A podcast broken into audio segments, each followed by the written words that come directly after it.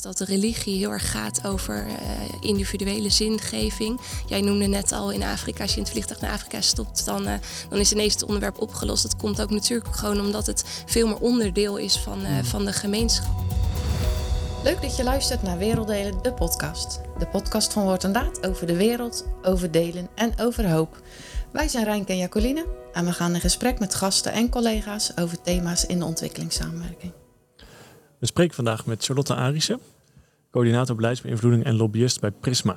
Prisma is een vereniging van christelijke ontwikkelingsorganisaties. Welkom Charlotte. Dankjewel. En we spreken met onze collega Jacob-Jan Vreugdeel. Hij is onder andere programma- en projectleider Duurzaam Water en expert op het gebied van systeemverandering. Ook een welkom voor jou, eh, Jacob-Jan. Dankjewel.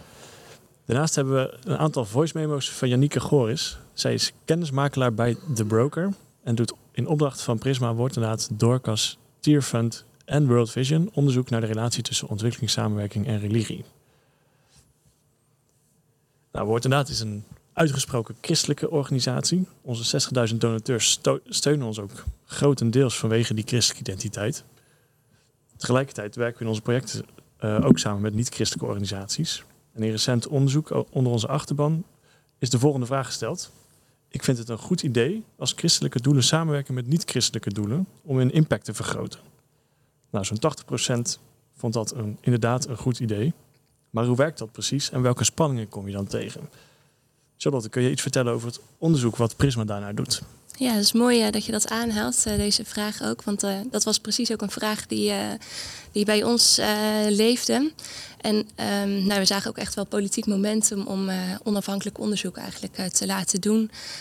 Um, we merken in de praktijk dat er nee, best wel wat vooroordelen, misvattingen zijn rondom religie en dan vooral in relatie ook tot ontwikkelingssamenwerking. En nou, de organisaties die je noemde, waaronder ook Woord en Daad, um, die hebben ook nou ja, veel um, kennis en ervaring met samenwerken met religieuze organisaties, ook in, in het zuiden, in de landen waar zij werken. Um, en daar gaan wij eigenlijk naar kijken. En de, het onderzoek bestaat eigenlijk uit twee fases wat we aan het doen zijn. Dus in de eerste fase een, een desk-studie. Er is al heel veel onderzoek gedaan naar uh, religie in relatie ook tot ontwikkelingssamenwerking. Dus dat proberen we te bundelen. En daarnaast um, in de tweede fase gaan we ook aan de slag met, met case studies. Dus we gaan eigenlijk in de landen waar de organisaties werken het onderwerp eigenlijk nog nauwer bekijken. En uiteindelijk moet dat resulteren in ja, beleidsaanbevelingen echt gericht op, um, op de Nederlandse overheid. Van oh, um, er komt steeds vaker naar voren dat religie belangrijk is om te betrekken bij ontwikkelingssamenwerking. Maar hoe doe je dat dan goed? Um, nou ja, en welke vooroordelen zijn er die weerlegd kunnen worden aan, aan beide kanten? Ja, en je spreekt ook over vooroordelen. Kan je daar wat over noemen? Nou, je ziet bijvoorbeeld um, nou ja, dat er best inderdaad vooroordelen, misvattingen zijn. Um, religie wordt vaak ook in verband gebracht met, uh, met conflict. Je ziet, dat, uh, je ziet dat regelmatig gebeuren. En eigenlijk willen we ook wel heel erg laten zien dat religie ook een, een onderdeel is. Het samenwerken met religieuze actoren, religieuze leiders, kerken. Dat dat ook voor veel mensen ook een bron is van, van hoop, um, verzoening.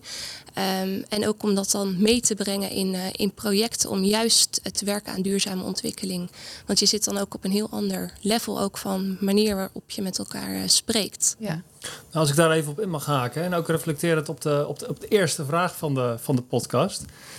He, christelijke organisaties gaan samenwerken met, uh, met seculieren, met niet-christelijke. Um, en dat roept dan spanningen op. En Hè, dat zat in jouw vraag. En ik denk dat dat kenmerkt ook wel een beetje de Nederlandse opstelling, of de westerse. Ja, spanning. Uh, het, het, het, roept ook allerlei hele mooie momenten op, hè, van uh, nieuwe inzichten. Um, het, religie is niet een, een, probleem. En dat zit een beetje in ons systeem, lijkt het gebakken van... oh, nu gaan we meer met religie doen. Er komt meer openheid voor. En dan gaat dat spanningen oproepen. Ongetwijfeld. Maar wat bij mij als eerste naar boven komt... het roept allerlei andere mooie dingen op ook in, in interactie met die seculiere uh, organisaties. Mm -hmm. dus, ja. ja. Ja, dat is mooi dat het juist iets positiefs ook oproept, maar dat is misschien ook niet bij iedereen het geval. Nou, kijk, het is er allebei. Dat, dat moet je denk ik zeggen. Dat, er zullen ongetwijfeld. Uh, hè, maar, um, en dan praat ik vooral vanuit de praktijk uh, van, van onze projecten. We werken meer en meer in brede samenwerkingsverbanden. Ja, en dan zie ik eigenlijk dat religie echt een kracht is. Hè? Dus je kunt, Ja. eh, je kunt bij wijze van spreken eigenlijk nog beter je werk doen. Omdat juist die openheid en die ruimte er is. Eh, Mhm. En dat komt dus ook dan als eerste boven. En niet zozeer, en dat merk ik dan wel aan de Nederlandse kant vaak van... Ja, een stukje universiteit of spanning of ja, religie, wat moeten we daar precies mee? Ehm, maar al vlieg je naar Afrika, dan verdampt die nervositeit halverwege in de lucht. Want God is onderdeel van het alledaagse leven. Hè? Eh, Mhm. hij is Ja. daar. Eh, ja. Ja, ik denk dus- dat we daar zo nog even over eh, Nee, op terugkomen. Eh, laten we eerst even naar de voice memo van eh Janieke Gores luisteren. Zij eh, eh, heeft een voice memo ingesproken die ook gaat over vooroordelen. Dus laten we die eerst even luisteren. Wat in ons onderzoek veelvuldig nu naar voren komt, al in deze eerste fase, is het feit dat discussies rond samenwerken met eh, religieuze actoren doorspekt zijn van vooroordelen en assumpties aan beide kanten. Dus bij de eh, religieuze actoren als ook bij de seculiere actoren. En als eh, een van de onderzoekers in dit project ehm, loop ik ook zelf aan tegen eh, een aantal vooroordelen die ik blijk te hebben, waarvan ik me dus niet direct bewust was. En volgens mij is dat de grootste, of een van de grootste toegevoegde waarden van, van dit onderzoek, is dat het die assumpties blootlegt en eh, ons in staat stelt om daar kritisch op te reflecteren. En eh, op zo'n manier ook de basis biedt om aan onze eigen vooroordelen voorbij te gaan en de ander te zien in een eh, ge- meer genuanceerde vorm en eh, dus ook de verbinding eh, te kunnen gaan vinden. Ja, mooi dat zij eh, ook het woord verbinding noemt. Dat komt bij woord inderdaad, eh ja, werken we ook echt vanuit verbinding, zeg maar. Ehm, zij zegt natuurlijk ook dat het goed is om vooroordelen aan de kant te zetten en juist die verbinding te zoeken. Mhm. Kunnen jullie daar eh, nog op reflecteren? Ja, ik vind het vooral heel mooi dat uh, Janieke dat ook zo, uh, zo openlijk uh, zegt. Het is natuurlijk uh, niet echt in een hokje te plaatsen.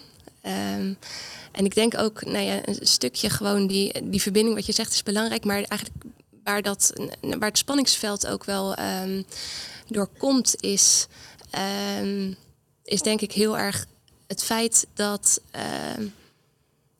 religie is misschien voor, voor seculiere mensen een soort van ongrijpbaar. En we hebben het misschien zo meteen ook nog over, over die nou ja, neutraliteit ook uh, in ontwikkelingswerk. Kijk, iedereen heeft natuurlijk een bepaalde uh, wereldbeeld, manier hoe je naar de wereld kijkt. En um, het is juist belangrijk om nou ja, op die laag eigenlijk met elkaar in gesprek te gaan, om elkaar uh, echt goed te kunnen begrijpen. Um, en dat is misschien best hier lastig, omdat uh, hier in Nederland zie je natuurlijk dat, dat de religie heel erg gaat over uh, individuele zingeving. Jij noemde net al in Afrika, als je in het vliegtuig naar Afrika stopt, dan, uh, dan is ineens het onderwerp opgelost. Dat komt ook natuurlijk gewoon omdat het veel meer onderdeel is van, mm. van de gemeenschap en samenleving. dus daar wordt het ook op een heel andere manier al, al ingevuld. Um, maar ik denk dat iedereen een soort van um, nou ja, manier heeft ook om nee, een, een interpretatiekader nodig heeft om dingen nou ja, te kunnen, kunnen interpreteren en zin te geven aan nou ja, dingen waar je tegenaan loopt. Maar ik vraag me wel af of uh, we in het Westen wel bewust zijn dat we hier religie op een andere manier uh, beleven dan in het zuiden, zeg maar. Ja, nou, en daar, daar kom je achter op hele praktische manieren. Uh, ja, in het Westen, dan bedoel je misschien juist ook mensen die hier, ja, die misschien niet al te vaak dan bij zuidelijke partners aan de tafel zitten. Dat zou kunnen. Um, want nogmaals, uh, je, je, merkt een enorme uh, openheid en ruimte, vind ik. Uh, dat, is, dat is mijn ervaring. Daar heb ik talloze voorbeelden van ook. Hè, als, je, als je in gesprek gaat met zuidelijke partners. Dat is allereerst altijd op, nou ja, op technisch vlak. Bij Woord en Daad werken we in, in vier technische programma's. Hè. Je hebt het over, over water of over agri. Hè, of, hè, dus daar gaat een gesprek over. Maar um, ja, je vraag was al even, verbinding zoeken. Hè? Dat is natuurlijk voortdurend wat je doet als je samenwerkt. Het zijn Ja. complexe vraagstukken. Je hebt elkaar nodig. En dan zit je er niet alleen als professional, denk ik, maar als mens. En ik zit daar als mens, met alles wat ik geloof, met mijn wereldvisie, met mijn eigen geloof. En die partner, die zit daar ook op die manier. En dan is het heel mooi. Uh, sterker nog, het is nodig, denk ik, als je elkaar ook echt bevraagt op die diepere lagen. Het is hoe zitten we hierin? Wat is jouw diepste drive? En nou, dan ben je gelijk al bij zo'n vraag. Ja. Ben je gelijk al in die, in Ja. die laag die onder dat technische zit. Ja. Nou, en dan merk je dus dat er heel veel Ja. eh, gedeelde waarden zijn. Of gedeeld geloof zelfs, hè, als ik het zo Mhm. mag noemen. Ja. Ja. Ja. Ja. Ja, ik, ik gebruik altijd, als ik het over heb, eh, een metafoor. Die, die heb ik ergens gelezen en ik, vind, nou, ik vond het ook wel heel eh, bruikbaar en ook treffend. Is dat, je noemt het op die technische laag, het wordt vaak religie gezien als eh, eh, een soort van memory stick die je in en uitplugt in een computer. Mm. Terwijl eigenlijk religie bij mensen gaat over het hele besturingssysteem zelf. Mhm. Ehm, of je dat nou leuk vindt of niet, je, je moet er iets mee. En, ehm, nou ja, en ook op die laag dus ehm, in gesprek gaan, eh, in verbinding komen. Ja, precies. Is, is het dan Maar- ook zo dat als je het wel probeert uit te pluggen, dat je dan ook minder effectief bent, omdat het in zo'n samenleving wel een grote rol speelt? Dat denk ik wel. Ik denk zeker dat religie en ehm, ontwikkeling, duurzame ontwikkeling, eh, ja, eigenlijk onlosmakelijk met elkaar verbonden zijn. En je ziet ook ehm, eh, dat meer dan 80% eigenlijk van de wereldbevolking aanhanger is van een religie of een levensbeschouwing. Ehm, dus het is iets waar je niet omheen kan en iets mee moet doen om problemen aan te pakken of om duurzame ontwikkeling te bevorderen. Ja. Ja, en misschien als ik daar even een voorbeeld mag geven. Want ik, ik vind het wel een heel sprekend beeld. Eh, memory stick die je in of uitplugt of iets wat er gewoon is. Eh, ik zat in een, in een vergadering eh, kleine maand geleden in Ethiopië was dat. De, de, de partners uit Tigray die konden er niet bij zijn hè, vanwege het conflict wat speelt. Maar die hadden, die hadden een link van twee uur. En die konden met, via Teams online de vergadering bijwonen. Nou, en dan, we hebben een, een, een grote, grote interventie daar. Dus dan, dan praat je daarover. Dat is een technisch gesprek. Uh, maar ondertussen weet je gewoon dat die mensen het ontzettend moeilijk hebben. Echt existentieel moeilijk. Ze zitten daar ook met een gezin. En het, het laatste stuk van de, van de meeting. En dan is het niet dat ik een, een memory stick in ga pluggen. Maar ik voelde dat gedurende heel de reis sowieso. Uh, ja, hebben we gebruikt om die partners te bemoedigen. Uh, en dan kun je zelfs teruggrijpen naar, naar woorden uit de Bijbel. Hè? En dan merk je nou, en dat komt aan.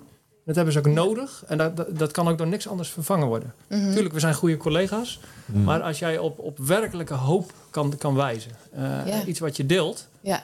Uh, nou ja, dan zie je daar de tranen in de ogen staan. En dan denk je van, dit is partnership. Ja. Ja. Hè? En dat is niet wat, iets wat ik even inplug. Iets instrumenteels.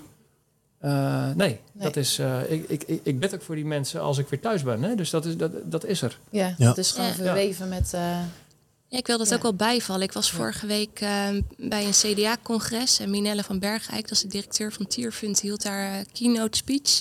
En zij benoemde ook het voorbeeld uit Ethiopië, waar ze met, eh, in contact kwam met eh, partners. En waar ehm, nee, die partnerorganisatie gewoon één keer in de week met elkaar samenkwamen om te bidden. En dat dat zo'n enorme impact had op de gemeenschap eh, daar. Dus dat zit Ja. hem helemaal niet in materiële zaken, maar toch ehm, op een ander eh, level ehm, toch steun en eh, zorg kunnen bieden aan eh, Mhm. mensen die het moeilijk hebben. ja. Nou, we hebben het net over het conflict in Tigray. Dat is, daar is een eh, burgeroorlog aan de gang. En eh, nou ja, daar komen die voorbeelden vandaan. Voor de mensen die dat eh, niet gezien hebben in het nieuws. Wat ik ook wel mooi vond, is dat jullie net zeiden van ja, je moet erover in gesprek. En je vindt elkaar ook op die essentiële, diepere laag. Daar heeft uh, ook nog een voice memo over ingestuurd. Dus die gaan we even met elkaar luisteren. We zijn nog druk bezig met het onderzoek, maar ik kan een tweetal eerste aanbevelingen delen. Aanbeveling 1 is communicatie, communicatie, communicatie. Wat we hebben gezien is dat aan de basis van de meeste van de vooroordelen en de belangrijkste reden voor het gebrek aan partnerschappen tussen religieuze en seculiere actoren uh, onbegrip en onwetendheid liggen. Dus elkaar opzoeken, in open gesprek gaan, leren van en over elkaar, dat is echt essentieel. Binnen die communicatie is het ook wel belangrijk om die moeilijke onderwerpen en de zaken waarin we elkaar niet kunnen vinden echt op tafel te leggen.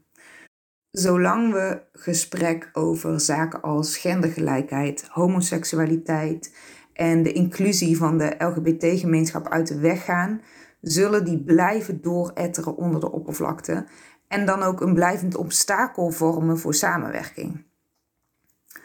Aanbeveling 2 heeft te maken met het startpunt.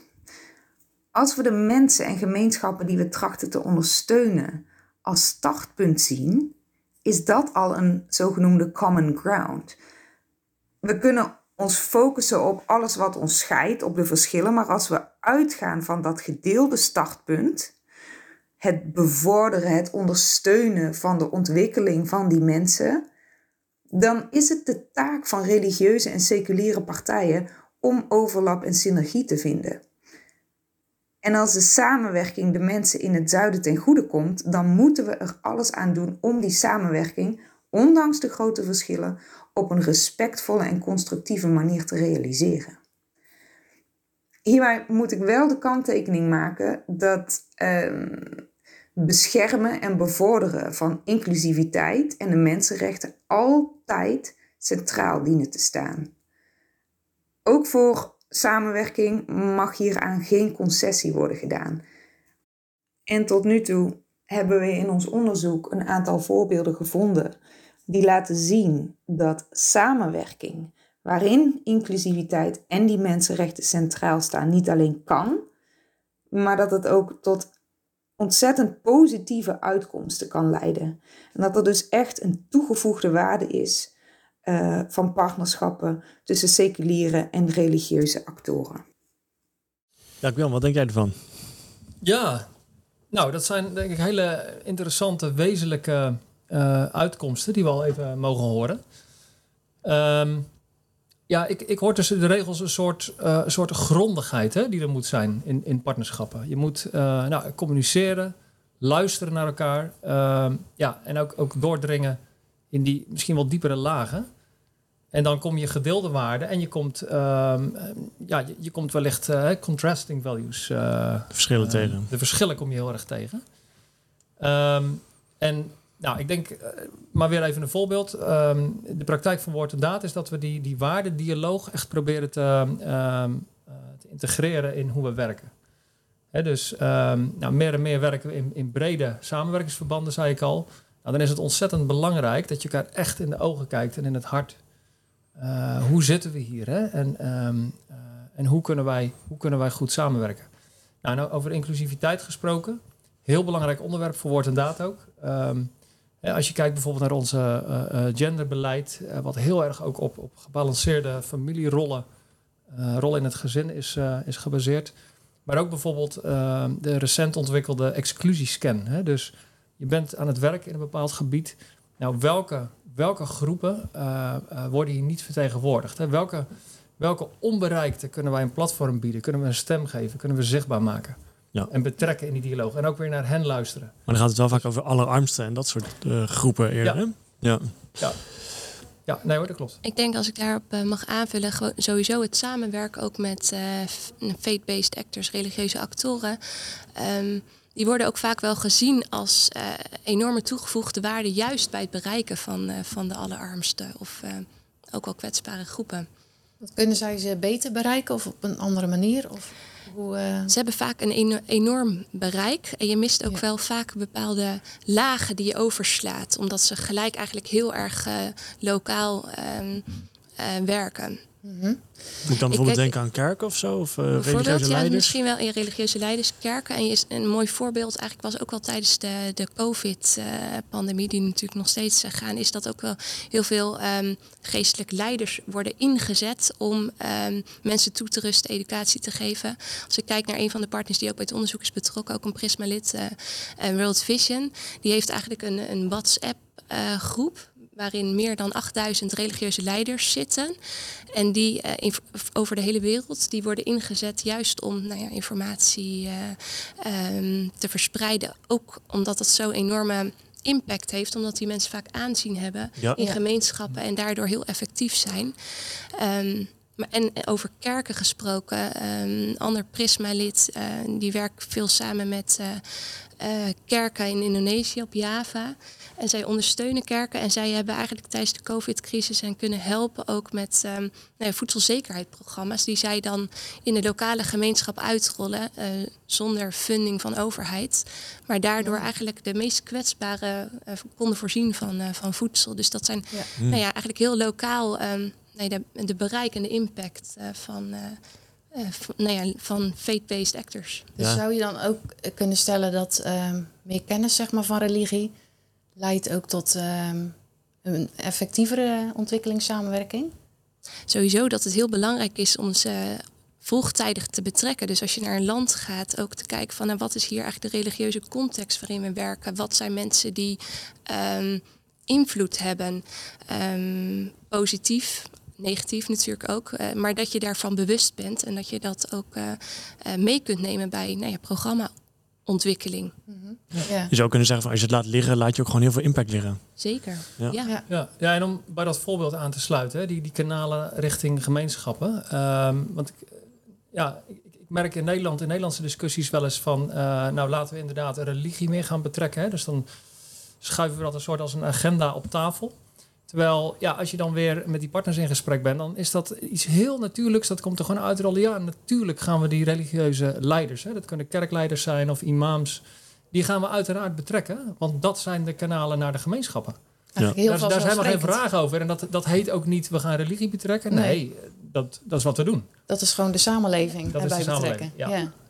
En dat is misschien ook wel de uitwerking. We noemen het steeds van het is belangrijk om met het maatschappelijk middenveld, uh, maatschappelijke organisaties uh, samen te werken. Want zij bereiken juist mensen, een haarvaat van de samenleving.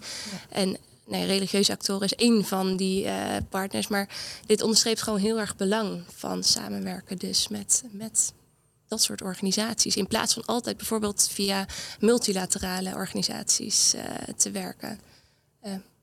ja, wat doe je met multilaterale organisaties? Nou, organisaties zoals uh, de, de, VN. Ah, uh, dus zo geldstromen te laten gaan ja. om eigenlijk hulp te bieden. Um, dat is natuurlijk vaak wordt dat ingezet omdat je vrij snel schaalgrootte kan bereiken en, en snelheid hebt. Mm. Ja. maar als je kijkt ook naar, naar je effectiviteit ook, is het heel belangrijk om nou ja, met, met lokale organisaties samen te werken. Juist. Ja, ja ik ben benieuwd of er ook uh, neutraliteit in religie uh, in, het, uh, in het werken, in de ontwikkelingssamenwerking. Daar heeft Janieke ook een voice memo over ingesproken. Dus misschien kunnen we die eerst luisteren en dat we er dan op reageren. Voordat ik goed kan beantwoorden, is er zoiets als neutraliteit of religieuze neutraliteit in het werken binnen de ontwikkelingssector? Is het denk ik belangrijk om te onderstrepen dat er niet zoiets is als de religieuze organisatie. Um, het is een zeer heterogene groep. En ons onderzoek laat zien dat de vooroordelen en assumpties over die groep uh, juist uitgaan van het idee dat ze allemaal min of meer hetzelfde zijn. Ja, het is zo dat sommige faith-based organizations een expliciete missie hebben om het geloof te verspreiden. Vele anderen zullen dit doel niet hebben, maar hun werk is wel gedreven door en, en bouwt voort op religieuze principes. En het is natuurlijk ook zo dat zelfs al is religie expliciet buiten projectdoelen of beschrijvingen gehouden, de mensen die de projecten implementeren, delen vaak de religie uh, waar rond de organisatie is gebouwd. Dus in de praktijk is het zeer denkbaar dat de religieuze uh, uh, principes en geloven wel worden gedeeld of gepromoot. Um, ons onderzoek laat dus zien dat neutraliteit niet geclaimd kan worden. Maar we moeten ons ook beseffen dat seculiere organisaties niet het veld betreden als een volledig neutrale partij. Ook zij hebben een bepaald wereldbeeld en bepaalde ethische principes uh, op basis waarvan zij hun werk uitvoeren. Dus secularisme is niet hetzelfde als onafhankelijkheid of neutraliteit. Dus ik zou zeggen dat voor zowel religieuze als seculiere organisaties neutraliteit niet geclaimd kan worden. De vraag is echter, is dat iets negatief? Het zijn immers de waarden en normen uh, die ons drijven, die de motivatie vormen om uh, het ontwikkelingswerk te doen. Als we even de religieuze actoren buiten beschouwing laten met een expliciet evangelistische doelstelling, denk ik dat er heel veel overlap zit en mogelijkheid is tot samenwerking als we naar de essentie van elkaars waarden kunnen kijken. Mooi, kan je daarop reageren? Ja, ja. ja heel erg eens met die, uh, met die laatste paar zinnen ook. Hè? Ehm, je, moet, je moet die diepste lagen helemaal niet weg willen houden uit je samenwerking. Uh, als dat überhaupt dan al zou kunnen. Hè? Ehm, uh, mensen zijn uh, wie ze zijn als mens en, en, en niet als professional of als veldwerker of, of als ontwikkelingswerker. Hè? Je, zit hier, je zit hier altijd als hele mens. Ja. Met alles wat je hebt en, uh, en gelooft. en ik denk dat dat juist heel erg, het, het, het, is de motor, de drijfveer achter waarom we dingen doen. Mm -hmm. En dat maakt dingen succesvol. wat mij ook triggert is um, wat Janiek halverwege ongeveer zei over het, het delen of promoten van een geloof. Hè? Uh, en dan de aanname van, ja, als je bij dat geloof hoort, dan ben je dat ook aan het promoten. Kijk, um, bij Woord en Daad hebben we daar denk ik verschillende, verschillende beelden voor. Um, we gebruiken het beeld van gist, gist in deeg. Uh, identiteit, waarde kunnen op een gegeven moment gewoon met het werk verweven worden. En daar heb je ook gesprekken over. En uh, ja, dat, dat doet gewoon zijn werking. En dat zullen vaak ook gedeelde waarden zijn. Ja. Um, als een partner expliciet christelijk is en bekend staat in de, in de context, in het projectgebied, ja, dan kan er ook zoiets zijn als een, um, ja, als een daadgetuigenis. Hè. Dit zou je meer als, als een licht, licht uh, schijnsel kunnen, kunnen vergelijken. Hè. Dus mm -hmm. er schijnt iets van uit. Ja.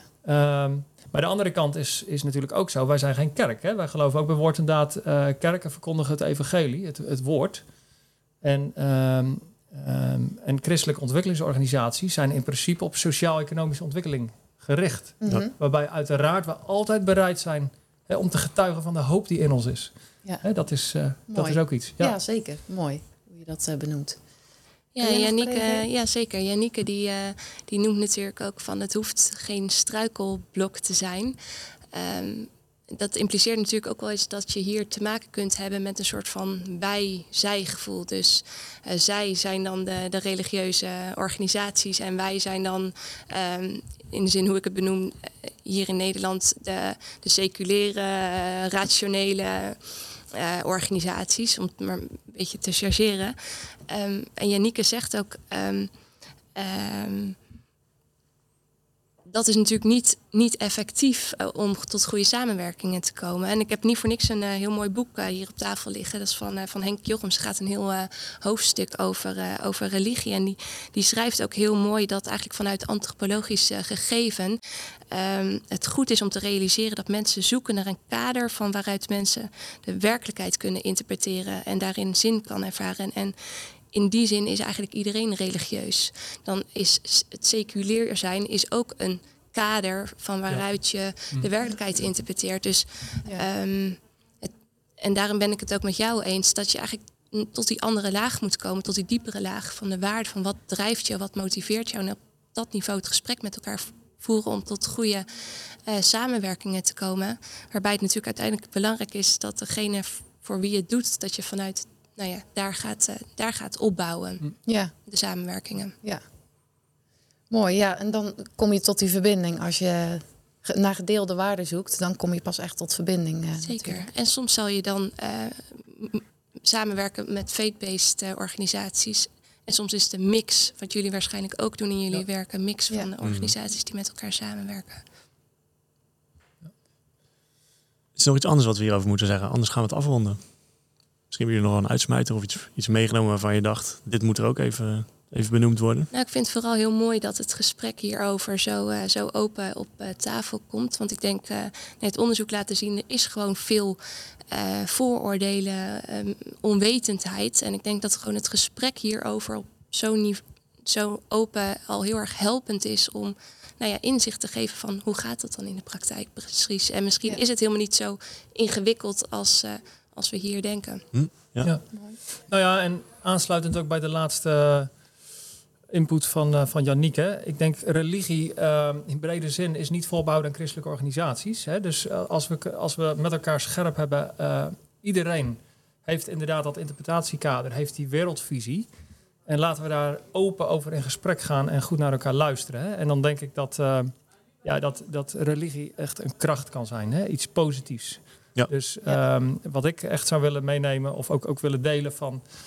Uh, dit is niet iets waar we nerveus over moeten zijn of, of wat per se spannend is. Maar laten we het vooral gebruiken. Eh, en laat het, laat het zijn werk doen. Hè? Het is een kracht om, Ja. eh, om tot goede resultaten te komen. Mooi. Ja. Je bent daar ook mee begonnen en nu eh, sluiten Ja. we daar denk ik ook mee af. Mooi, bedankt Mooi. voor het gesprek eh, allebei. Jullie Graag gedaan. bedankt. Mooi dat je luisterde naar deze podcast. Heb je vragen of suggesties? Stuur dan een mail naar podcast.woordendaad.nl. Over twee weken zijn wij weer met een nieuwe aflevering.